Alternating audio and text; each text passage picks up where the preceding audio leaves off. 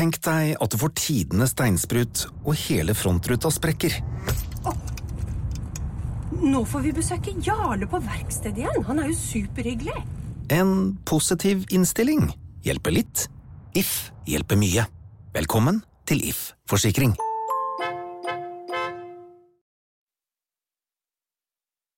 Podkast, Lars! Podkast! Så at jeg holdt meg for ørene. for jeg hater å høre meg selv si det. Det høres helt forferdelig ut. Du hører deg jo selv når du holder deg for ørene. Jeg blir litt sånn, litt sånn Sone ut. Jeg orker ikke. Jeg trodde det var for å er treffe en eller annen tone. Ser veldig sånn Hei, podcast. Ja, men da har vi gjort det. Vi har sunget oss inn. Det er Niklas Baarlis evige ønske. Det er fortsatt muligheter å gå inn på radio1.no på Facebook og si ifra at eh, vi ikke orker å synge oss inn i podkast lenger. Jeg er jo fortsatt motstand mot Ja, ja. dette her, og det er Samantha Skogran. Den døren er åpen, det er veldig få som bruker den. Så det foreløpig blir det sunget inn i podkast. Ja. Det er veldig hyggelig at du har lastet oss ned. Det er masse høydepunkter på gang i dag. Henrik Asheim er her. Stortingspolitiker fra Høyre har forklart eh, både konflikt og Arbeiderpartidrama. Eh, Og vridd seg unna våpenspørsmål. Ja, det har han faktisk gjort. Vi, vi prøvde å tyne han litt. Grann, Vi har aldri vært nærmere Dagsnytt 18. Eh, Vi er veldig langt unna. Men vi har, eh, Niklas eh, der syns jeg du var en, en Sol, veldig- Solvangen ja, veldig dårlig Fredrik Solang. Eh, men det er det nærmeste vi kommer. Det kan jeg leve med. I tillegg så har vi hatt Nicolay Ramm på besøk. Samanda Skogran har eh, gjort at vi liker henne enda litt Det er satt langt inne. Jeg gruet meg til å fortelle det. Ja, det, og du burde aldri gjort det. Eh, quiz har vi hatt i dag. Det er nok av høydepunkter. Eh, takk for at du har lastet ned. Vær så god, her er det. Vær så god, her er det. Morgen på Radio 1. Og nå litt værmelding. Forskere får 16 millioner til å lage superværmelding, folkens. Oi. Og dette eh, Det har jeg ikke hørt om før. Med en gang det er værmelding, så er det jo litt eh, Man faller litt fort av. Men eh, det, det som er greia her, er jo at eh, det skal komme nå værvarsel i flere måneder fram i tid. Og det har de ikke greid å gjøre før. Altså Det som har pleid å være eh, vanlig nå, er jo å kunne eh, spå været 11-12 dager frem i tid. That's it. Men nå er det ny noen sånne der, eh, maskiner og algoritmer og alt det greiene der, så nå skal de greie å få været spådd lengre lenger frem i tid.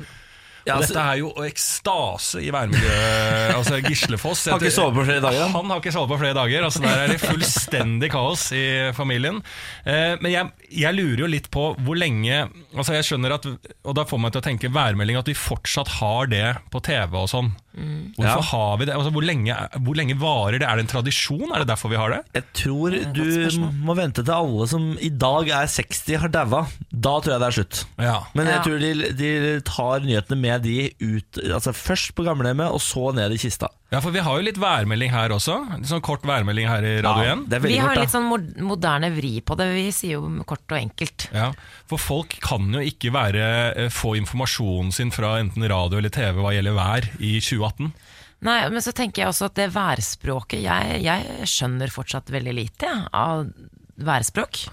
Ja, Steve, Ja, altså- Steve Kuling og sånn. Ja, Ja, jeg vet jo hva det sånn. er, da, men nei, men du vet når de snakker sånn på værmeldingen på TV. De, de snakker jo liksom det sånn, Høytrykk og sånn, lavtrykk. Men det er Ja, derfor men- de har kartet, vet du, sånn at de peker for sånne som deg, Samantha. Ja, men du skjønner jo hva jeg mener. Dere har jo ikke lyst til at det skal fortsette, dere heller. Dere har jo ikke noe behov for det. Nei, ikke behov nei, for det. Jeg har Y-rappen. Men jeg er sjekker. Yr hver morgen. Jeg er sånn som sjekker Du værmeldingen hver dag. Ja. Jeg går bare ut, jeg. Men det er derfor jeg dreit meg ut i dag. Da. Jeg gikk jo bare ut med caps og sommerjakke, og så var det jo dritkaldt. Sjekker du Ja. aldri Aldri værappen? sjekka været. Aldri i mitt Har du liv aldri sjekka været. været? Nei. Og jeg bare går ut, og så kommer det regn, så kommer det regn. Herregud, for en levemann du er, Lars. Ja, og jeg går jo ikke Jeg mener jo at øh, øh, Akkurat der skiller jeg mellom kjønn, men menn og paraply er det verste jeg veit. Så jeg går aldri med paraply heller. Jeg tar regnet, tar det imot, øh, og opererer øh, ut fra det. For jeg mener Jeg er ikke ute i skauen og sånn over lang tid. Da hadde jeg nok måttet sjekke været. Men når du er liksom i byen og sånn, så da får du gå under et tak da hvis det blir regn. Men jeg går alltid ut fra at det er fint vær. Gjennom hele vinteren så går jeg ut fra at det er sommervær. Og så får jeg meg heller overraskelser. Martin Jonsrud Sundby kan få OL-gull fra Sotsji. Han har rykket opp fra fjerdeplass til eh, OL-sølv på femmila allerede. I eh, 2014, eh, altså, i OL. Av doping? Ja, fordi Aleksandr Lekov og Vilek Sjanin, som eh, var foran han på lista, er utestengt og fratatt sine meritter fra 2014 etter avsløringer om eh, russisk doping. Da. Og da er det bare bronsevinneren igjen, og det er han heter Sjanusov. Han eh, tok bronse og er foran Sundby på listen. Ja. Nå har han da altså gullmedaljen, da. Eh, men han er også i trøbbel. Han skal ikke gå OL om snart to Oi, uker. oi, oi! Har den eneste av den russiske trioen da, som tok eh, medaljer i OL under femmila, som fortsatt har medalje. Jeg kan tenke meg at den eneste jeg vet om Eller som, jeg, jeg kjenner jo ikke disse folka her, men den eneste jeg kan tenke meg som jubler sånn ordentlig hjemme når han får gull fordi at alle eh, for, i Sotsji alle blir utestengt på OL, er kanskje Sundby. Altså, alle blir bare sånn Nei, det smaker ikke sånn, men han tror jeg bare sånn ja!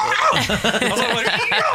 altså, Han betyr det mye for deg, for han har sånn der insane vinnerskalle. Han er greier aldri å skjule noe bitterhet eller noen ting. Det er bare vinn, vinn, vinn, vinn. i- Så han tror jeg feirer stort. Ja, han har ikke individuelt eh, gull. Fra verken eh, VM eller OL. Det er faktisk Sundby er jo en av de beste, men mangler individuell men- medalje. Ja, det eller gull, da. Gull. Nå er Sundby i toppform, Fordi Ja. nå bare klaster den han Men- magisk oppover. Får jeg faktisk si at det er en kjip måte å bli olympisk mester på. Ikke for Sundby. Det for driter Sundby. han i. Ikke for Sundby. Gull er gull, som ok. han sier. Ja, tror jeg. Nå skal vi til vår kjæledegge i dette radioprogrammet, Tom Tvedt.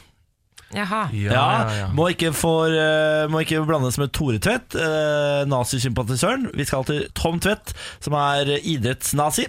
Han eh, Nei. ja, Nei, jeg, jeg tar det tilbake. Jeg legger meg flat. Han er topp i Norges idrettsforbund, i hvert fall. Og nå har det blitt klart at han skal reise alene til OL. Stakkars Tom Tvedt. Skal han reise Får alene, ikke ta med seg noen som helst. Tom Tvedt skal helt alene nå. Spare penger, da, kanskje? ja, det er akkurat det de skal. Eh, NIF-styret skulle egentlig sette seg på flyet til Sør-Korea neste måned, men grep må tas for å spare penger, for det er økonomisk tøft i Idrettsforbundet nå. Drukket for mye rødvin, så nå, nå kommer liksom eh, fortiden og spiser biter i ræva. Styret tok konsekvensen av den økonomiske situasjonen de sto ovenfor i fjor sommer. eh, og nå, for å ordne kontroll, så reiser altså eh, styret ikke til OL. Det er en totalvurdering av økonomien, dette her. så flinke dere Ja, er. og så bra. ja, ja. Styret har vært opptatt av å ha kontroll på økonomien og egenkapitalen. Ja, ja, ja. Det har vi nå gjort tiltak for. Og så, på spørsmål Var dette en tøff beslutning å ta, så svarer Tom Tvedt. Hele verdens idrettsfamilie skal møtes. På politisk nivå er det klart at idrettsstyret skulle vært til stede. Også for å følge opp sine utøvere. Det er et stort politisk arbeid som skjer der borte, og kontakter skal knyttes. Det er klart dette blir skadelidende for styret, men det er et ansvarlig styre som har tatt denne beslutningen, sier idrettspresidenten til NRK. Ja, nå er den hvis ikke har greid.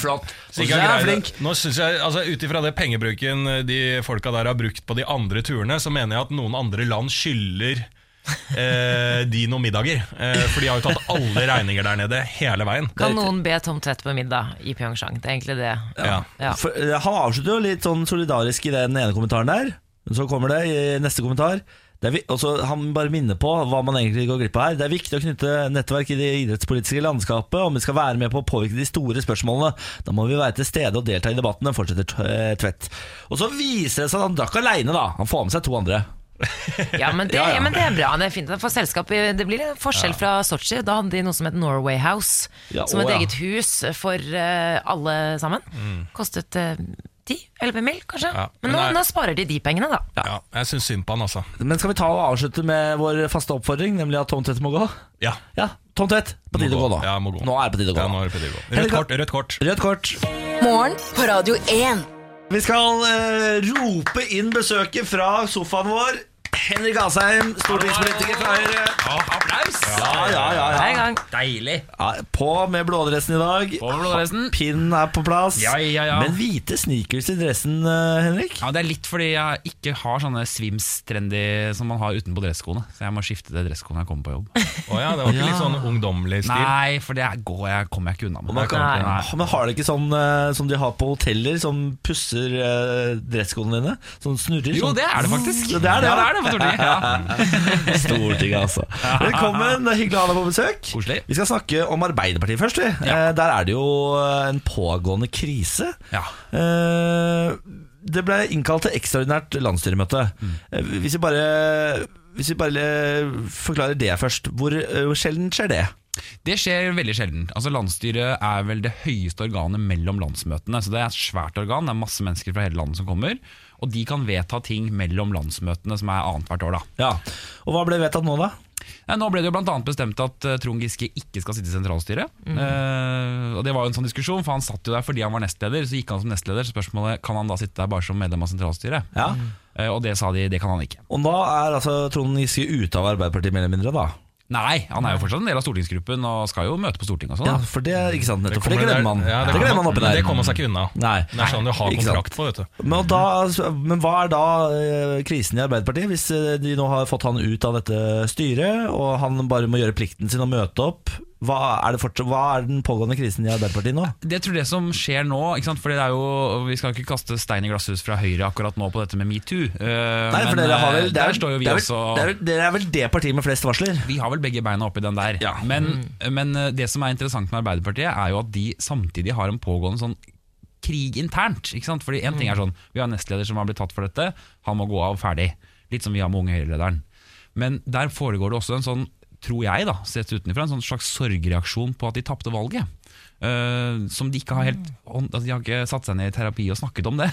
Uh, og så tas det ut på at mange er sinte på hverandre og på seg selv, og sånne ting Og så blir det en sånn ekstra krig internt. da Men hvordan kan det på en måte fortsette når du har en ledelse som er så uenige? For det er det det virker som nå. Sånn som Kjersti Stenseng de nekter jo for at det er noen uenigheter, men det virker som det er en ledelse som ikke klarer å bli enige. Det funker jo ikke på lang sikt. Nei, og det er vel, altså Sånn som jeg har forstått det, så er vel Trond Giske representerer en del av Arbeiderpartiet, og så representerer Johan Gahr Støre en annen del. Eh, Og så har de satt sammen en ledelse som skal bestå av de forskjellige delene, så alle er fornøyd. Så detter den ene delen ut. og så er spørsmålet er det den, hvem har skylda for valgnederlaget, hvordan sånn og sånn. Hans Christian Amundsen, han som sa opp nå i Arbeiderpartiet, Ja. hva, hva var stillingen hans? Han var eh, kommunikasjonssjef, tror jeg. Ikke sant? Ja. Hvilken, hvilken fløy er det han hørte til? da? Var han en Giske-mann, eller var han en Støre-mann? Han var en Støre-mann. Men Hvorfor har han da gått? Det skjønner jeg ikke. Men han var uenig med Stenseng. Han greier ikke å være i møte med Stenseng. Men han, Støre sitter jo fortsatt. Jeg skulle jo tro at det var hans fløy som var sterkest. Ja, men ikke sant? dette, her, dette her er litt sånn ut fra hva mediene skriver, og jeg kjenner jo ikke Ap så godt internt, men så vidt jeg har skjønt, så er det ikke sant, Stenseng anses som Giskefløyen, eh, Amundsen anses som Størefløyen. Ja. Så Giske og Støre Nei, Stenseng og Amundsen kunne ikke gå i samme møte. Nei. Fordi de da var på hver sin side. Så du kan si det er 1-1, da. Men det, det jeg altså, eh, snappa på når jeg så på dette her i går, eh, dette ekstraordinære landsmøtet, da var det at eh, han eh, Amundsen han representerer Oslo. Og det føles som en ny krig inni den der maktkampen også, mot Trondheim og Oslo. oh ja, er det en krig? Ja, fordi at og det syns jeg er så rart å høre på, for det er så mange som blir liksom sånn eh, Trønderne. Altså Trøndelag er jo så eh, De er veldig skremt for at det, ikke, at det skal bli så Oslo-tungt.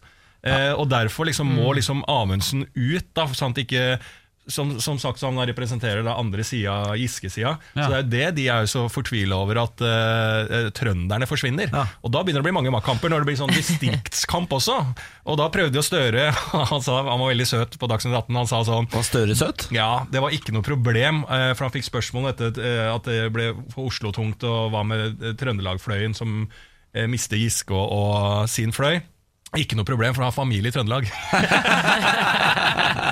Den tror jeg ikke holder oppe i Trondheim her.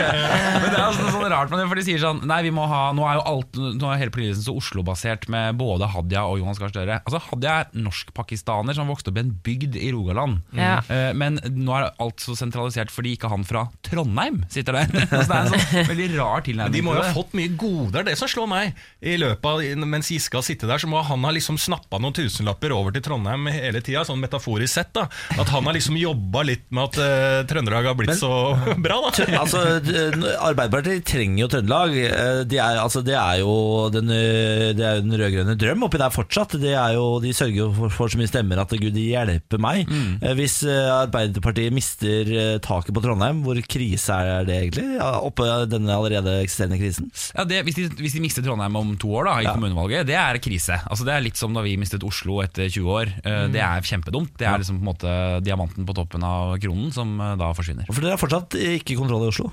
Nei, den har vi i opposisjon, men om to år, vet du Da, Ja, da vi får det se da. blir da. Trondheim først? Da, det var gøy å bare ta Trondheim. Morgen på Radio 1. Vi har vår faste huspolitiker på besøk, Henrik Asheim. God morgen igjen. God morgen, god morgen. Klokken er altså 07.34, og nå skal du få lov til å um, forsvare deg og Norge og regjeringa.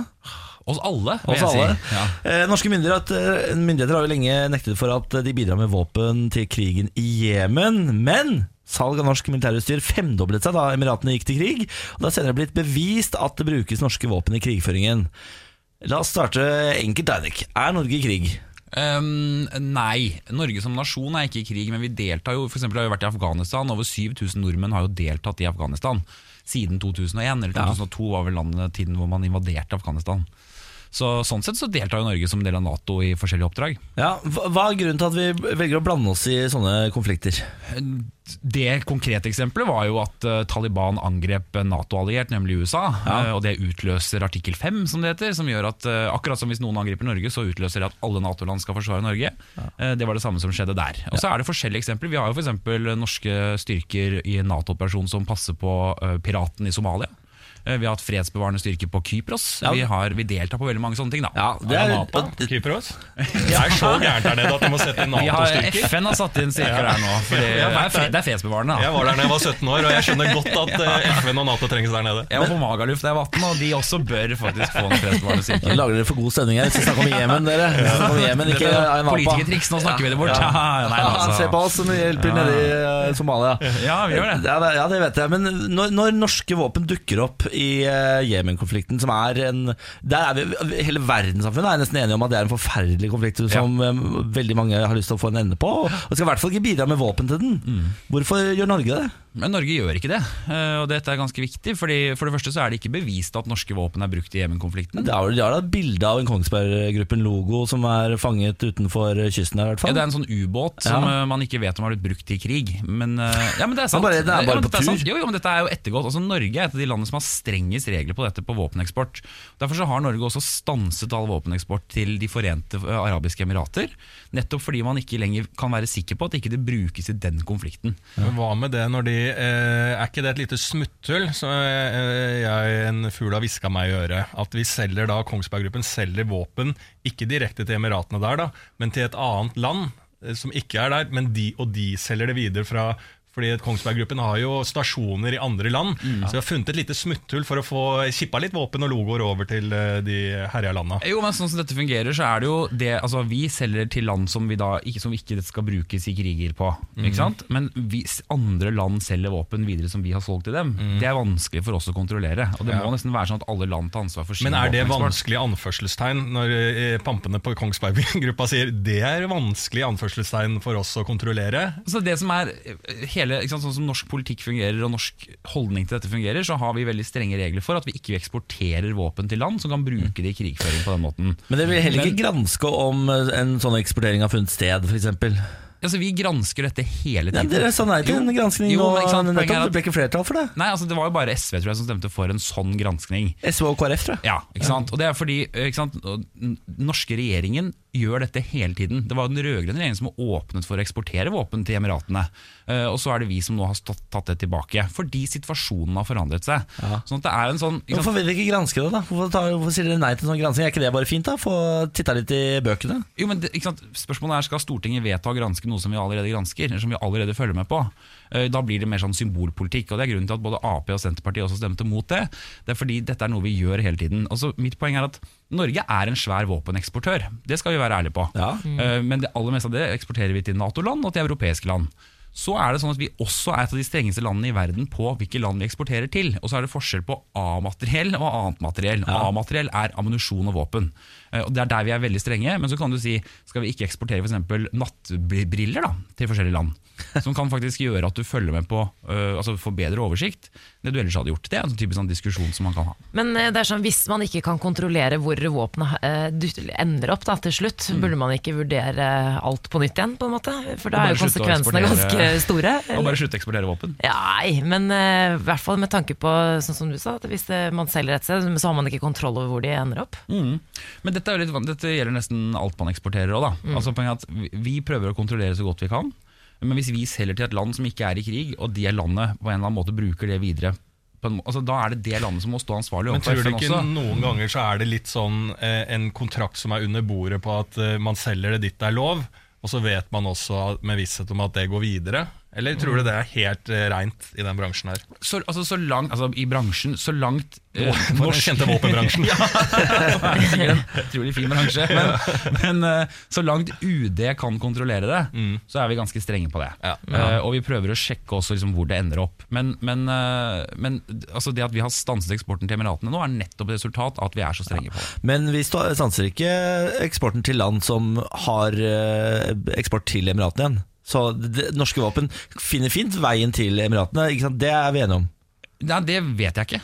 Helt ærlig, ja, helt ærlig, det vet jeg ikke. Altså, ja, men jeg, vet ikke om, jeg vet ikke hvilke land vi eksporterer til som gir våpen videre til Emiratene. Okay. Men vi gjør ikke det. Og det er liksom så langt Norge kan strekke seg og kontrollere det. Ja, hvor viktig er norsk våpeneksport for Norge? Altså, hvor, hvor mange milliarder er det den står for? Jeg tror det er rundt tre milliarder. Det er ikke så mye, det. Det er jo penger, det, Niklas. Ja, men tre milliarder det høres jo lite ut i det store sammenhengen. det, det sier man bare i verdens rikeste land. Hva er, ikke- hva er Ja, fisk, ikke sant? Fiske, da. Det, var, Jo, det er jo på 60 milliarder eller noe sånt, var det det? sånn 65, tror jeg. Ja, jeg. 65 milliarder. Da er jo jeg med 5 Kongsberg Ja, milliarder. det Som medlem av Finansdebatten så utgjør 5 milliarder ganske mye penger, faktisk. Så vi burde jo bare legge inn enda mer på fiske, da. Kanskje våpen retta mot fisk. harpun? Ja, Fins det, Lars? Ja, men de- De på Kongsberg burde produsere jævla bra harpuner. Jeg tror Hvis det hadde vært en fisk her nå, så ville vi vært uenige at det ikke finnes våpen mot fisk. Det har Ja, det er vi- jeg enig. det har helt mye enig. erfaring med. Vi skulle egentlig innom eh, røykeloven som KrF vil utvide. Jeg tror ikke vi rekker det. Det igjen, eh, blir det utvidelse av røykeloven? Ja, det ser sånn ut. Blir det det? Får de flertall for det, KrF? Jeg tror det. Men for helvete! At det er overformyndere skal Det er drive og regulere alt, Henrik. Nei, det er bra. Må Jeg- alt reguleres? Det Jeg bare kan godt hende jeg blir tvunget til å stemme for det i Stortinget, men jeg er helt enig med deg. Ja, Nei, nei, nei. Du må jo ha lært av tidligere røykelov. Dette blir bare bra, det her, folkens. Jeg har røyka før, slutta å røyke, men å ta, ikke sant? nå er du ute i frisk luft. Kom Ja, igjen. kom igjen. Jeg det, nei, nei, jeg er helt enig. Jeg er veldig for den røykeloven. Ja, ja. Ja, det er 50-50. Vi får vente og se. Jeg håper, håper dere klarer å snu KrF i det. Eller i hvert fall Ja, overkjøre det det. Overkjøre det. Det håper jeg dere gjør. Den tror jeg de må få. Ja, Henrik Asheim, eh, fast huspolitiker. Vi ses neste uke. Det gjør vi, ass. Eh, Hyggelig på å ha på deg ha-ba-ba. Morgen på Radio 1. Og Listhaug kaller en spade for en spade, som hun sier, og kaller folk eh, som er pedofile for monstre. Ja, Ja, og, spesielt. Ja, og hun får jo litt kritikk da fra forskjellige hold om at eh, vi har jo en veldig sånn, eh, ja, sånn retts, eh, rettsstat i, i forhold til at vi alltid har hatt en sånn kutyme med at vi skal være humane uansett hvor forferdelige personer er, og behandle språket riktig. Det har vært en sånn veldig sånn tradisjon i Norge, da. Eh, der i hvert fall ikke de politikerne eh, bruker en eh, slik ordbruk, da. Men hun sier, hun kaller en spade for spade. Det er helt forferdelig det de pedofile gjør. Det gjelder jo veldig de som nordmenn som reiser til utlandet og eh, rett og slett eh, eh, forgriper seg på barn. eh, Som jeg tror alle egentlig er enige om er forferdelig. Altså det er en, det er en, eh, det er en eh, forferdelig en sånn monsterhandling. Det er det jo, men jeg, jeg, man må ta seg litt sammen når man er eh, enig. i regjeringa, eller? Jeg syns man skal unngå det begrepet der. Det er som å pedofile jeg, Det er jo ikke det at de, sånn som du sier, det er en monsterhandling, men de er eh, syke Ja. mennesker, faktisk. Pedofile har, de har en sykdom. Ja, det er jo litt øh, Kanskje som også blir brukt i argumenter, er litt vanskelig for folk som ennå ikke har gjort noe, men som sitter med denne forbudte ønsket om å øh, ha sex med et barn, og oppsøke hjelp hvis en vet at uh, de høyeste De på toppen i Norge kaller, det, kaller deg sjæl et monster. Jeg, jeg syns Listhaug skal ta seg eh, tid til å se innafor på NRK. Uh, Ja, med Emma Claire, ja. Med Emma Claire, hvor de tok opp pedofili. Jeg synes Det er kanskje noe av uh, det beste jeg har sett på TV om pedofili. Jeg synes det- De tar begge sider på alvor, og så går de ålreit inn i materien, og så skjønner man litt mer. At det, her er- finnes det mennesker som for det første ikke har forgrepet seg på noen, som syns det er veldig vanskelig å ha de følelsene de har. Og da ha for, forbanna Listhaug som skal sitte og kalle de for monster, ja, det jeg synes det er direkte ufint. Ja, så er det litt sånn motsatt retning, fordi jeg tenker hvis man kan eh, hvis man skal forebygge og faktisk hjelpe disse menneskene som ikke har gjort noe, men sitter inne med tanker, så hjelper det ikke akkurat å kalle dem monstre, tenker jeg. Jeg tenker Nei. Det er litt sånn motsatt. eh, Ja. Listhaug er veldig sånn på at uh, nå er det nok at vi skal gjøre uh, barna til Nei, ja, de pedofile til ofre i saker, men det gjør man vel ikke ved, bare, uh, ved at man kaller dem noe annet enn monstre, så blir det ikke automatisk noe offer. Det gjør det ikke. Nei. Nei. Hundretusener kan ha krav på databriller. Det blir litt folkeopplysning her nå. Bruker du mye skjerm på jobb, ja da har du rett til å sjekke om du trenger en databrille betalt av arbeidsgiveren din. Vi har jo et redaksjonsmedlem som heter Chris. Som eh, hjelper oss med sosiale medier. Han fikk seg eh, nye snasende briller her om dagen. Visste ikke at han hadde rett på det. Han jobber jo veldig mye med dataskjerm og klipper og limer og alt mulig man gjør på data. Eh, Norges Optikerforbund tror altså mange ikke vet om den nye rettigheten. Før så var det bare de som satt på en sånn såkalt dataarbeidsplass som hadde, eh, som hadde rettighet, eller disse rettighetene da, til å sjekke. Men nå, er det, nå har det utvidet seg til hvis du jobber på en arbeidsplass hvor det er en skjerm av en viss størrelse. Så det du sier nå er at alle som hører på Radio 1 just nå, og sitter foran en dataskjerm på jobb, de har rett på databriller. Ja, for eksempel det kan eh, Altså kasse, kasse i en butikk, det er jo en sånn liten skjerm. Eh, folk som jobber med på fabrikker, industri, alt mulig. Det er eh, ja. Nå er det mange arbeidsgivere der ute som blir forbanna på deg, Samantha Skogran, for nå kommer folk til å komme og si sånn Du hørte på Radio 1 i dag. Eh, jeg tror jeg har krav på briller, jeg. Men jeg kan legge inn et lite der forsvar der, for det er sånn som han Chris, som du nevnte, som jobber Ja. hos oss, da. Han fikk så databriller, han fikk sånne runde hipsterbriller. Ja. Eh, og jeg mener at det er ikke lov. Eh, Det skal arbeidsgiveren eh, slippe å betale. Altså, jeg bør, eh, for Vi må ikke gjøre det attraktivt å få disse brillene. Det skal ikke være en sånn trendy greie. Det skal være kjipe briller. De, de skal lage standardisert, litt sånn kommunistisk brille som er lik overalt, som Ja, okay. ser jævlig ut. Ja vel, Den skal du få dekka. Og da skal du se at det antall som har lyst på de brillene, går ned ja, kraftig. for det er det som er poenget. Men jeg tenker sånn, Ser du dårlig, så ser du dårlig, da. Ja. Det er jo, ikke noe med å være snasen. Jeg gjorde dette, akkurat dette, når jeg jobbet i NRK. Så hadde jeg jobbet der i en måned, og så hørte jeg at jeg hadde rett på briller. Og tenkte sånn, jeg er sikkert veldig kjekk med briller. Så jeg dro til, til optiker og sa sånn, kan du teste synet mitt? Og så sa sånn, ikke noe gærent med synet ditt. Så jeg sånn, kan vi si at det er noe gærent med synet mitt? Så kan han bare få veldig svak styrke i briller. Ja, det kan vi si. Oi. Ja, så ja, ja, ja, Og altså, Niklas, bare for å-. Ja, også bare for å gjøre deg ø, veldig ond, da, som Ja. jeg liker å gjøre noen ganger. Hvem sine penger er det som gikk til den brille? Er det Lisensbetalerne. Skattepengene? Så alle de som hører på, har betalt for dine briller! Ja, det er riktig det, Lars. Er det noe som kan gjøre oss nordmenn mer forbanna enn det? Nei. Jeg kjenner at, det, eh, jeg kjenner at det, tastaturet bare vil møte fingeren min og skrive en kronikk mot deg, Niklas Baarli. Men jeg vet at du elsker meg egentlig, Lars. Ja, det jeg gjør vet jeg. at du elsker meg Det egentlig, gjør jeg, Lars. det gjør jeg. Jeg synes det er like. Morgen på Radio 1. Og nå, mine venner, er det dags for en ny runde med Lars Bærums morgenkviss. Ja da, ja da, det er det, og reglene er som følger. Det er tre spørsmål fra meg, svarene kommer helt til slutt. Niklas Baarli og Samantha Skogran, dere er et quizlag, så dere må svare samla. Ja.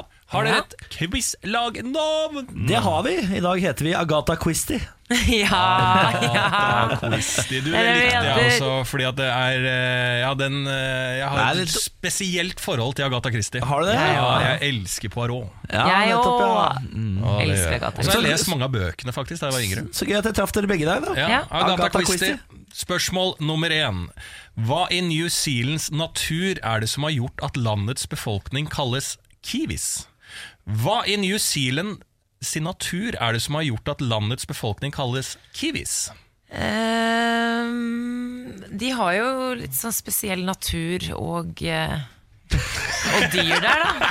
Ja, men de har det. Jo, jo, men det er, det er en morsom start på resonnementet. De har jo litt spesiell natur. Hvor går vi videre? Ja, men i forhold, Det er tropisk der, i forhold til eh, Eller ikke tropisk, men eh, Det er vel ikke så tropisk i New Zealand, er det? men, ja, er det ikke New Zealand er vel den naturen som ligner kanskje mest på den norske. Er det ikke sant? sant? Ja, Ja, det det. det var jo helt Men ute, du, da. du Men jeg vet reise at i de Norge, har du. Så det. Ja, men jeg vet at de har en veldig sånn spesiell fugl. Som er fra Kiwifuglen? Kiwifugl? Kiwifugl. Ja, så jeg var litt ute med resonnementet, men jeg mente bare litt sånn fu eh, dyreartmessig. Nå Så imponerer du Ja. meg meget, eh, Det var mye sau der òg, da. Det er mye sau der òg, men kiwisauen har jeg ikke hørt om. Har du ikke det? Nei, så jeg Du lurer på skal om få jeg, høre om den snart. jeg lurer på om jeg heller går for kiwifugl. Men det er det eneste jeg vet, at eh, ja, Ringenes herre er spilt inn der, og at de har en kiwifugl. Så eh, Agatha Christie svarer kiwifugl. Ok, Spørsmål nummer to. Hvor mange finner har torsken på ryggen? Hvor mange finner Oh. har torsken på ryggen? Jeg har jo fisket masse, så dette burde jeg kunne. Ja. Eh, Den har i hvert fall én Er du sportsfisker, eller tar du og spiser? Jeg spiser, ja. Ja. ja, ja, ja, ja. Eh, Fisker for matens skyld. Fisker for mannens skyld, ja. Ja for, Hvor mange finner har torsken? Punktum? Eller på Spør du meg tilbake? Ja, jeg, bare Definisjonen på spørsmålet. Var det på ryggen, eller bare Ja, på ryggen, ja. På ryggen, da. Ja. For da er jo ikke halefinnen eh, Teller den som en del av ryggen, da? Halefinnen? For den har jo to på siden her, ikke sant? og så Ja. har den den oppå ryggen. Og så har den halefinnen, men eh, spørsmålet er om halefinnen teller som en del av ryggen. tre, fi- fire. Ja, hvis, den, hvis du tar med de på buken, Ja. der er det to? ikke Niklas det? etterligner en Ja, det, ja. Niklas prøver nå å sette seg selv inn i torskens posisjon Ja. og Det er, eh, finne ut av dette her. Method acting. Ja. Bli torsken, vær torsken. Ja. Fire? Ja, vi sier fire, vi. Ja. Fire er det endelig svar avgitt. Ja. Ja. Ok, Spørsmål nummer tre. Hva heter fansen til fotballklubben Rosenborg?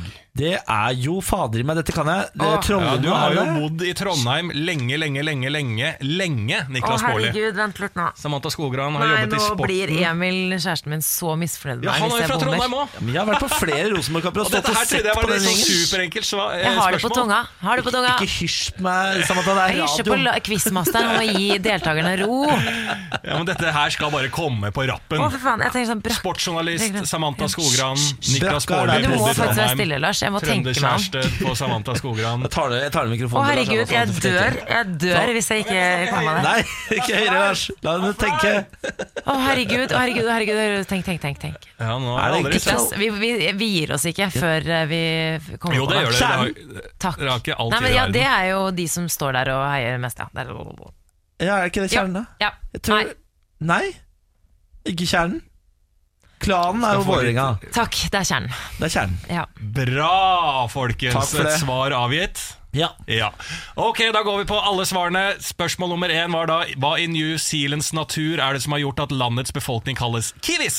Ja. Da var Samantha Skogran inn på et resonnement som ikke ligna grisen. Hun snakka om tropisk natur og ikke det Jeg mente andre. eksotisk, Ja. men så var det ikke eksotisk Jo, men du vil jo reise veldig mye i Norge. Det er jo drømmen din å reise i Norge, så du syns jo norsk natur er eksotisk også? Ja, ja, Ja. ja. Og, men du landa på kiwifuglen. Eh, Nei, Vi landet på Samantha landa på kiwifuglen. Du, du var ikke delaktig i Lars, det hele tatt. Kom igjen, da. Men kiwifuglen er riktig! Henta meg inn der. Ja, bra, det gjorde det. Samantha. High High five. Spørsmål nummer to. Hvor mange finner har torsken på ryggen? Niklas Baarli begynte å spille ut en fisk av typen torsk i studio, og har, sa breialt at han har fiska veldig mye. Eh, endte opp på fire, fordi at eh, du tok med da det du kaller eh, Halefinnen. Halefinnen. Svaret er tre. Nei! Jo. Et halvt poeng, Er Niklas. det fordi, Nei, det er ikke noe- det er fordi, ikke halvt er det, er det fordi halvfinnen ikke skal være med? Sikkert. Fader, altså. Men du- vi tar et poeng for den. Men det er ikke halefinnen, er ikke bare halen halen, halene. Et og et halvt poeng Det er jo finne bak der også, Lars. Det var feil, i hvert fall. Og så kom det da til hva heter fansen i fotballklubben Rosenborg. Og den har gitt egentlig bare til en gavepakke til dere. Bare sånn at dere skulle greie det. For du har bodd i Trondheim, Niklas. Samantha er sammen med en er trønder. Ja. Og du har vært sportsjournalist. Og det brukte jo evigheter på å finne ut at svaret er kjernen. I Herregud. To og et halvt poeng, det er kjempebra, det. Nei, to poeng. To og et halvt. Det er to og et halvt. Vi har ikke halvt poeng. Jo, men Du klarte ikke å definere om uh, halefinn skulle være med eller ikke. Men jeg trenger ikke å definere noe som helst. Jeg er ute etter svar, ja. Og Ja, det var feil. og, og svar fikk du. Nei. Et halvveis riktig svar på den Nei, jeg fikk ikke det. Nei, fikk og så fikk du to rette jeg på den andre. ikke det. Kiwifugl. Feil svar. Vi er skikkelig flinke om dagen. To av tre. Det bør du være fornøyd med. Morgen på Radio 1. Og jeg har jo snakket litt tidligere om at uh, jeg fikk aldri oppleve Tinder. Ja. Ikke sant? Ja. Eh, hatt kjæreste under hele Tinder-perioden. Ja. Eh, Da oppfinnelsen kom. Ja. At markedet ble satt i gang. da eh, Oslo begynte å dirre. Eller verden begynte å dirre. Eh, så jeg fikk jo aldri brukt det her. Eh, men nå kan jeg lese en sak om at det er en som fatta min interesse. For det er en sånn dansk Tinder-kjekkas. ja. Eh, en mann som eh, har svindla seg gjennom hele Skandinavia via Nei. t- Tinder. Eh, og fått en dame til å lage liksom 16 banklån eh, i hans navn. Så jeg bare lurer Det tar meg litt tilbake til dette som alltid er eh, Som jeg ennå ikke greier å forstå. Hvordan man f- greier å svindle folk. For du kan ikke svindle folk via profil. Han må få da kontakt, Ja. så få ut informasjon fra mobilen. Det er Eh, Nigeria-svindel, da. Altså, det er jo det er disse svindelbrevene ikke sant, som du får på e-post og sånn. De Ja. gjør samme, samme teknikk. De eh, nærer et forhold til deg, fòrer et savn, et behov du har, Mm. og får deg til å gi penger. Ja, fordi at han også, Det blir sagt at han, han hooka opp med folk. ikke sant? Det var jo den første han svindla. Tror jeg de var sammen i ti år. Men så Oi. etter det så kjørte han en litt sånn, sånn mer intensiv runde. Og da tok han mobilen og henta liksom, da han var hjemme hos folk, liksom, og henta ut informasjon og det ene og det andre. da. Så han vel i- gjorde identitetstyverier og den type ting. Eh, og nå har han sittet i fengsel og kommer han snart ut, så jeg tenkte å advare alle eh, Tinder-folk der. fordi at politiet sier at det var litt sånn gøy uttalelse. Han kommer garantert til å gjøre det igjen. Ja. For han har sona før, liksom, så han lever det glade liv. Ja. Og så blir han tatt, så tar han de to-tre to, årene han får inne. Så kommer han ut igjen, så gjør han dette her, og de ser et sånn repetativt Sånn mønster. seriebedrager. Ja. Seriedating. Så For et ikke, liv. ikke match med en danske på Tinder. Så plutselig får en kjekk danske som bare Dette er jo for godt til å være sant at vi eh, matcher. Men du trenger ikke å holde deg unna kjekke dansker, du kan bare holde unna å gi men informasjon det er- det er like på greit å holde nettet. seg Nei, unna, men Han tenker jeg. stjeler fra veska di, vet du. Ikke sant? Mens du Å, ja. sover etter en god hyrdestund foran peisen. Han er sikkert helt rå. Tenk hvor rå han er eh, I på senga? sjekking. Ja, Ikke minst i senga, det vet jeg ikke, men hvordan han legger opp ting. ikke sant? Du sovner inn søtt, og da jeg tror ikke Roy dansken Blod, ligger og liksom? sover søtt ved siden av. Nei. Han jobber som bare det, han er rundt i leiligheten og stjeler identiteten din. Så jeg, ser jeg bare får meg en danske med Rohypnol i, i veska som går rundt og de tindrer som en gal. For- for- Veska? Han er jo ikke homofil. Ja, Si ikke det, Lars. Si ikke det. Si ikke kan godt det. være. Du, jeg skal til eh, Florida i påskeferie. Nei, hør på deg, da! Ja, ja, ja, ja. Wow. Jeg har en litt sånn spesiell livssituasjon. Du har møtt en danske på Tinder som vi ta deg med til Florida. Med Jeg, kjæresten min og dansken. Ja, nei, eh, siden samboeren min driver med toppidrett, så har vi en litt spesiell livsstil. Sesongen deres er over eh, slutten av mars cirka, og så er det reelt sett kun i april de får helt fri. 1. mai, da er det i gang igjen med trening. Så i april er jo, eller påsken og april er jo den store ferien vår, årets store tur. Så er det en luksusproblem, fordi både jeg og kjæresten min Emil er veldig sosiale begge to. Og fire år på rad nå så har vi dratt på reise med vennepar. Eh, brukt ferien vår sammen med venner. Dratt ulike typer steder. Kjempegøy. Eh, Veldig artig. Og når man først har reist med venner, så vil jeg syns faktisk det er morsomst. Ja. Selv om eh, vi har det veldig gøy sammen, så syns jeg egentlig det er litt gøy å variere litt. Da. Enten da det er på partur eller være flere venner. Men er det litt sånn, burde man egentlig eh, vurdere en ferie alene? Ja, altså det, Sånn for forholdets skyld? ja, dere har jo denne ene ferien i året da, hvor dere kan ta den helt ut. Så, sånne parturer tenker jeg automatisk gjør seg best så, på helgetur til Riga og sånn. Oh, ja. Ikke sånn lang Ikke sånne lange turer? Nei, ikke, personlig syns jeg ikke det. Nei. Lars? Nei, nå har ikke jeg noen par jeg kan få til en helgetur med til Riga med. Eh, Lars, du kan dra med meg og vennene ja, ja, ja, kanskje jeg skal gjøre det. Ja, ja. Det, det er jeg med på. Helgetur til Riga med deg, Niklas. Eh, nei, jeg vil si at eh, ja, hvis dere syns det er hyggelig, så må dere jo gjøre det, tenker jeg. jeg tenker, det er ikke noe vanskelig Det er ikke noe man må ha være aleine. Hvis forholdet deres nå skranter voldsomt, som du Ja. sa før vi gikk på lyd. Nei, det gjorde det ikke. Eh, men eh, hvis dere trenger liksom alenetid, så er det lov å si ifra til det faste paret dere eventuelt reiser med, at Ja. denne gangen så trenger dere litt uh, alenetid. Men hva slags regler er det dere har på disse reisene? Er det sånn at eh, selv om dere reiser sammen, så er det lov til å ha kjærestekvelder? Hvor man ikke er sammen alle sammen? Ja, det er lov til det, men vi har ikke lyst til det. Vi syns det er Ha, gøy men å har de andre lyst til det? Er dere det paret som bare aldri skjønner liksom, Som alltid er med sånn De kommer til dere og sier sånn eh, Samantha, i dag tenkte jeg og Gunnar å stikke ut eh, og bare ha en kjæreste. Sånn, Ja, ja, vi blir med, vi! vi blir med. Ja, det hørtes kjempegøy Vi klarer å være alene òg, så det er jo bare at vi syns det er gøy. Finne dere alene til likesinnede. Nei, vi skal sammen med to vennepar. Ja, men det blir kjempehyggelig. Ja, men, det, men det er det vi har lyst til. Det er Ja. det som vi syns det er gøy. Ja, selvfølgelig skal du gjøre det, Samantha. Men gjør det du har lyst til. Ja, takk. Ja. Nå er det gladnyhet til alle bananelskere der ute. Du er Ja. en av de, Lars. Vet du hvor mange bananer jeg har spist hittil i dag? Hva er klokka nå? Nei, nå er klokka snart ni. 08.40. Ja. Jeg starta å spise, jeg var oppe litt i tretida i natt. Jeg har spist hva skal jeg telle? åtte bananer. Ja, hør nå. Åtte bananer før klokka ni på morgenen. Ja, Mer Red Bull, eller? Ny forskning gjør at du slipper å skrelle de heretter, Lars. For nå har de klart å dyrke fram en banan hvor du kan spise skallet. Yes. Er ikke det vakkert og flott, dere? Ja, det må vi ta på lørdager, tenker jeg. Hæ? Ja, men At det er liksom lørdagsbananen, lørdagsbanan, da, for å variere litt. Jeg tror man er såpass hverdags at eh, du kan spise dem når som helst, også med skallet på. Det finnes eh, to typer mennesker der ute i verden. De som eh, altså, ikke orker å spise banan fordi de må skrelle. Og så finnes det de som elsker banan og så skreller som en gal, og som har lært seg den apemetoden å skrelle banan på. For den- mennesker skreller jo bananene feil, dere vet det? Ja. Nå slipper man altså. Det er, det er Var det Japan da som hadde klart å ordne dette her? De dyrker det på en ny måte. Nå kommer det én og én banan i plastfolie. Ja, bra, Mer plast. Ja. Ja, ja, bra det. Vi må pakke inn mer i Ja, hvis du ser bort fra akkurat den ene nedturen, altså, får du altså nå banan i porsjonspakning, hvor du kan spise skallet, og det ser delikat og flott ut, og det smaker godt også. Men genmodifisert eller naturlig Det er naturlig, altså. Kan jeg legge inn til et lite triks der når du snakka om å skrelle bananen? Ja. Hvis du tar i stilken, Ja. så eh, eh, kaster du den på en måte fremover, så du ser at den går i fjeset på noen, og så bare deler den seg nydelig. Det er mitt triks, da. Det, er- det er showtrikset ditt. Det er mitt triks. Ja, så jeg opptrer på scene, scener rundt omkring i landet, så det er bare å komme. Koster 600 kroner å se på, og det er det eneste jeg gjør. Og så sier jeg takk for meg, det var det jeg hadde. Billig drikke i baren. Ja, det gleder jeg meg til, det showet der. Bananshow med Lars. Morgen på Radio 1. Nå har vi fått besøk av programleder eh, NRKs nye stjerneskudd, Nicolay Ramm! Hei! Hei! God morgen! God morgen til deg, Johan Niklas. Ja, hvordan står det til? Det går veldig bra, altså. Ja. Klar for avreise Pyeongchang, eller? Ganske klar. Reiser på søndag. Hvor lenge blir du? Altså, du skal ned der og dekke OL da, for Ja. NRK. Det skal jeg. Eh, Hvor lenge blir du? Vi blir borte i tre uker. Tre uker i Pyeongchang. Tre lange uker i Pyeongchang. Barndomsdrøm som eh, blir, kommer til oppfyllelse. Jeg har alltid hatt lyst til å reise dit. Det er deilig å kan kombinere med jobb, da. Ja, ikke sant? Jeg er glad i, mm, glad i sørkoreansk mat, i hvert fall. da Ja, jeg kan like det.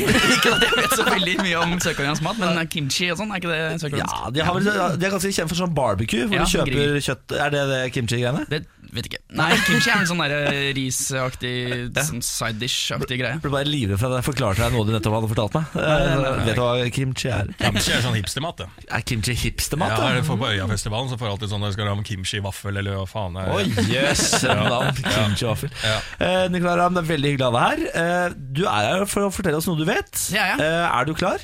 Jeg er klar. Da kjører vi. Fortell oss. Fortell oss, noe du vet. Ja, jeg har kommet hit i dag for å fortelle om gresski. For gresski det er faktisk en ekte sport. Det er da gress eh, man står på, med ski. Og det er en sport som ingen i Norge driver med. Det har aldri vært noe norsk menneske som har deltatt i verdensmesterskapet i gresski. For det fins, Ja, og det ligger under Det internasjonale skiforbundet. Er det sant? Det er bare ingen i Norge som vet om det.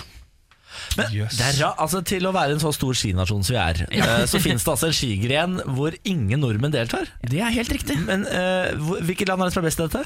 Det er De store nasjonene her er vel eh, Østerrike, Ja. eh, Tsjekkia og Italia er ganske store. Så I Mellom-Europa, i alpelandene, så om, er, om sommeren så bruker de alpinanleggene sine, gresslegger dem, og så kjører de alpint på sommeren. For det er nedover, ja. Ja, ja, ja. Og jeg tenkte det var eh, langrenn. Å nei da, de kjører unna som bare rakkeren. De beste kommer opp i 90 km i timen. Nei, på gress! På gress! Ja, for gresski da er, det er ikke, Du skal ikke gjennom porter da? Jo, jo. Oh, ja, du skal Ja, det, ja, Det, det ser helt likt ut som, Som slalåm. slalom. Som slalom ja. Ja, ok. Og du har storslalåm, og du har super-G, og hopp, og alt mulig Men er det fordi det ikke er snø? Er det derfor vi ikke bryr oss? Nei, er det ikke snø, så er det altså, ikke kult nok, liksom? Det ikke snø, så er ikke Norge gode. Det er det som er problemet. Ja, vi ja, er livredde for å være dårlig i en det. Men vi hadde jo vært sånn Kristoffersen og uh, Aksel Lund Svindal og sånn hadde villet stå nedover gress, så hadde Ja. vel det gått bra, det òg. Det kunne gått bra, men utfordringen er på en gresski så kan man ikke bremse. Du kan kun eh, svinge i rolige bevegelser, det går ikke an å stoppe.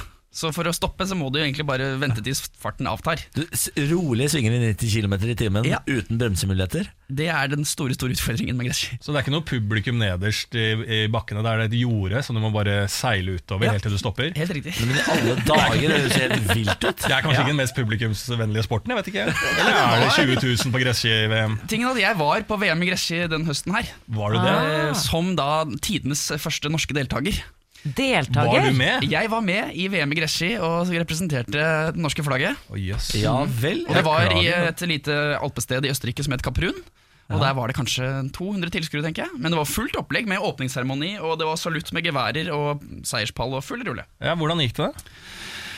Hvordan det gikk? Altså, Jeg trente, jeg trente noen, eh, noen dager i forkant før jeg reiste ned dit. Fikk prøvd gresski. Det er én nordmann som har gresski, som bor ute i Bærum. Han eh, møtte jeg og fikk låne gresski av han, og fikk prøve. Og så var jeg med i storslalåmkonkurransen i VM. Ja. Uten å få bremsa. Det var, Uten å få bremsa, måtte bare la det stå til. Hvor høy hastighet kom du opp i, da? Eh, Nøyaktig hva jeg kom opp i, vet jeg ikke, men jeg tipper jeg var mellom en 60-70. Å, fy faen, det høres jo helt vilt ut, da. Ja. Men du Nikolai, du har jo med deg et eller annet. Jeg. Hva har er med det for noe? meg landslagsdrakten jeg brukte da jeg deltok i VM. og den er ganske godt brukt, skal dere se, for den har eh, gjørme og brun, brunflekker fra jordet utover hele rumpa. Men du har jo fader meg sponsorer og greier, da. Ja, ja, altså Jeg representerte Norges Skiforbund. Jeg fikk den her av Altså, du var en ekte, de, altså, ekte, ekte Ja, deltaker? ja, ja, ikke noe tull. men altså, de- Fortalte de du var hvilken jo- plass du kom på? Vi har hoppa over det. Jeg, jeg kom på tredd sisteplass. Tredje, Tredje men det er ikke siste. siste. Ja, ja, ja, ja. Og det var med fall. Det var, Med fall? ja, det var med fall. For det var to utøvere fra Taiwan Som hadde som var bak meg igjen. Men Nikolai, når du sitter der oppe og du skal opp i en sånn eh, helsikes fart, var du nervøs før du skulle Jeg holdt på å trekke meg fra hele greia rett sant? før vi satt utfor. Fordi, altså, folk gikk jo på snørra, og folk blødde i ansiktet. Og det er jo, sant, du faller jo ikke på snø. Det er Nei. ganske hardt da når du ruller nedover en sånn gressbakke. Den er ikke pledd som en fotballbane. Det er humpete og dumpete og litt kubæsj og divær. Så det var herregud. rimelig skummelt. Uh, ja, men er, det, er du nå Er du landslaget vårt nå? Skal du fortsette med dette her? nå er det bare å skaffe seg sponsorer. Begynne å stille opp for noen parkettpartnere og diverse, og begynne å få inn noen kroner, og så er det VM neste år, da. Er det det? Det er jo VM hvert år i Ja. gresski, så Du, du akter å stille, eller? Det vet jeg ikke. Først og fremst var dette Det et, TV-innslag som jeg skal Ja. bruke i det nye programmet mitt som jeg lager til OL. Men uh, det var veldig gøy, altså. Hadde vært gøy, da. Anbefaler flere å prøve det. Det er bare å kontakte en kar i Rykken på Bærum. Han har ski. Ja. Og han har ski fordi at han kjøpte feil når han skulle kjøpe vanlige Men han er kjempeivrig på det her. Han har, Han har 15 par, var veldig foran. Han elsket det når NRK kom for å lage TV av det her, og han ville låne ut til alle. Det er sjarmerende. Oh, har Niklas har jo, du har jo hoppet utenfor Midtstubakken, og vi har jo flere ekstremsportutøvere. Det stemmer det. Det var også kun fordi det var TV-kamera her. Jeg hadde aldri gjort det uh, på privat. Hva man gjør når kameraet går. Ja, det er rart med det. Eh, Jeg gjetter på at vi kommer til å se mer av dette her eh, idiotiske ting fra deg framover, Nikolai. Ja, det kommer mye nå under OL. Jeg skal være der i tre uker og forhåpentligvis lage masse gøy. Du får ha lykke til og god tur. Takk for det. Vi må runde av. Når er det, når er det første resultat av turen din kommer? Første episode sendes uh, fredag 9. februar. Rett etter Skavlan er jeg på. Jeg har Oi! fått den en Så det er jo litt stas, da. Ta med deg jod, ta med deg jod tilfelle atombombe. Har du jod, så er du helt home free. Det har jeg lært. Så bare mat på med jod, og så smeller det, så tar du bare 360 fuck off, og så sier du at 'jeg er på jod'. Eh, Lars har noen jodtabletter til deg, faktisk. Helt på ekte. Eh, Ramm, tusen takk for besøket. Bare hyggelig. Farvel. Morgen på Radio 1. Når folk ser Samantha Skogran utenfra, så kan man bli forbanna. Man kan spytte på bakken og hytte med neven fordi hun virker så perfekt. Det har vi tenkt å gjøre noe med. Derfor har vi opprettet spalten Hvis jeg forteller dere dette, kommer dere ikke til å like meg lenger. Hvor Samantha Skogran må fortelle oss noe eh, som er liksom ræva ved henne. Vi eh, kjører. Hvis jeg forteller dere dette, så kommer dere ikke til å like meg lenger. Ja, Samantha. Ja, det jeg skal fortelle i dag har jeg sittet inne med lenge. Det går utover eh, dere, og eh, kanskje du der ute Ja, kanskje du kommer til å like meg litt mindre. Er dere klare? Ja. Her er greia. Jeg hater quiz. Hater du quizen? Jeg liker ikke quiz. Jeg syns det er kjedelig.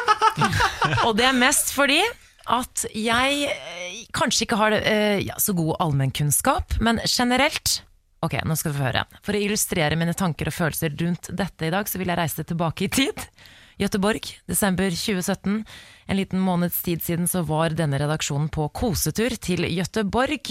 Ble godt kjent, spiste god mat, drakk oss fulle sammen. Og vi kan alle være enige om at det var en vellykket tur. Ja, kjempetur. Sant? Alle hadde det veldig gøy. Samtlige i redaksjonen har trukket frem et øyeblikk som turens høydepunkt, og det var da vi samlet oss på en bar, drakk øl og hadde quiz. Quiz var ikke planen, men det var en som begynte med det, så syntes alle det var så sabla gøy at det fortsatte i flere timer. Det var Ja, hyggelig, sant? kjempehyggelig. Det var det eneste som gjorde at vi kom oss gjennom den dagen. Eller var det det? Var det like gøy for alle sammen? Vi satt der time etter time. Var det i 1867 revolusjonen kom, eller var det, Det var var det egentlig i 1890? Ja, og så hadde alle Alle, det var så mye kunnskap, og for hver øl vi bestilte, så kom det et spørsmål. Skal vi ta en til? Ja! Og alle bare ja! Og jeg satt der inni meg og ville dø. Jeg ville dø Men du var sikkert sliten, for du hadde jo vært og trent før quizen. Visste den kom. Fy faen, det var ingenting å komme med. Ah, Men folk her i redaksjonen er så glad i quiz. Og du vet sånn, jeg, jeg satt der og tenkte bare Jeg kan ikke si at jeg ikke liker quiz. Og alle bare Å, det er så gøy! Men Samantha Skogran, det er jo så forbanna gøy med quiz!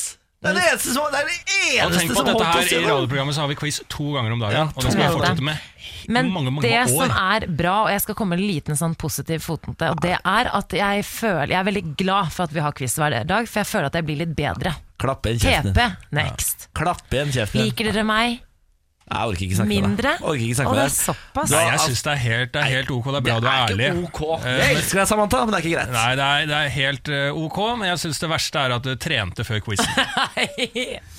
Morgen på Radio 1.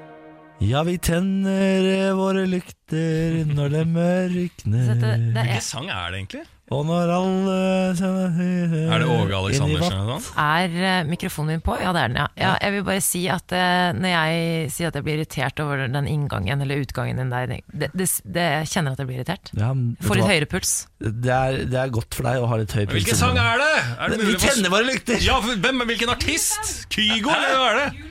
Julesang, Julesang, du vet ikke hva du synger på engang? Er det en julesang? Jeg bare føler den passer. ja jeg har ikke hørt noen julesang før, jeg. Nei, det, var- det var julesang, da. Ja. Ja, vi tenner våre lykter når det Hvorfor får han bare holde på sånn som han vil? For det er jeg som styrer teknikken. Ja, Han styrer teknikken, og så har han eh, eh, så, eh, liksom setter han i gang fansen sin. Så det er bare de Åh, som er inne på eh, Facebooken vår og sier sånn «Å, 'La Niklas eh, jobbe på'. Jeg har mistanke at det er bare personlige venner av han. Ja, men nå er vi ferdige for i dag. Eh, Takk Ja. for at du har hørt på podkast. Ny kommer i morgen, og vi er på fra seks. Jeg håper du er bedre i morgen, Niklas. Du var, ikke så god i dag, syns jeg. På hva da? Helt Nei, bare på liksom. radioprogrammet. Syns du ikke jeg var god i dag? Nei, jeg syns det var litt sånn off og slurva mye og rare meninger. Jeg hører du sier det, Lars, men jeg veit at du elsker meg dypt inni der. Jeg elsker deg. Ja, jeg elsker deg.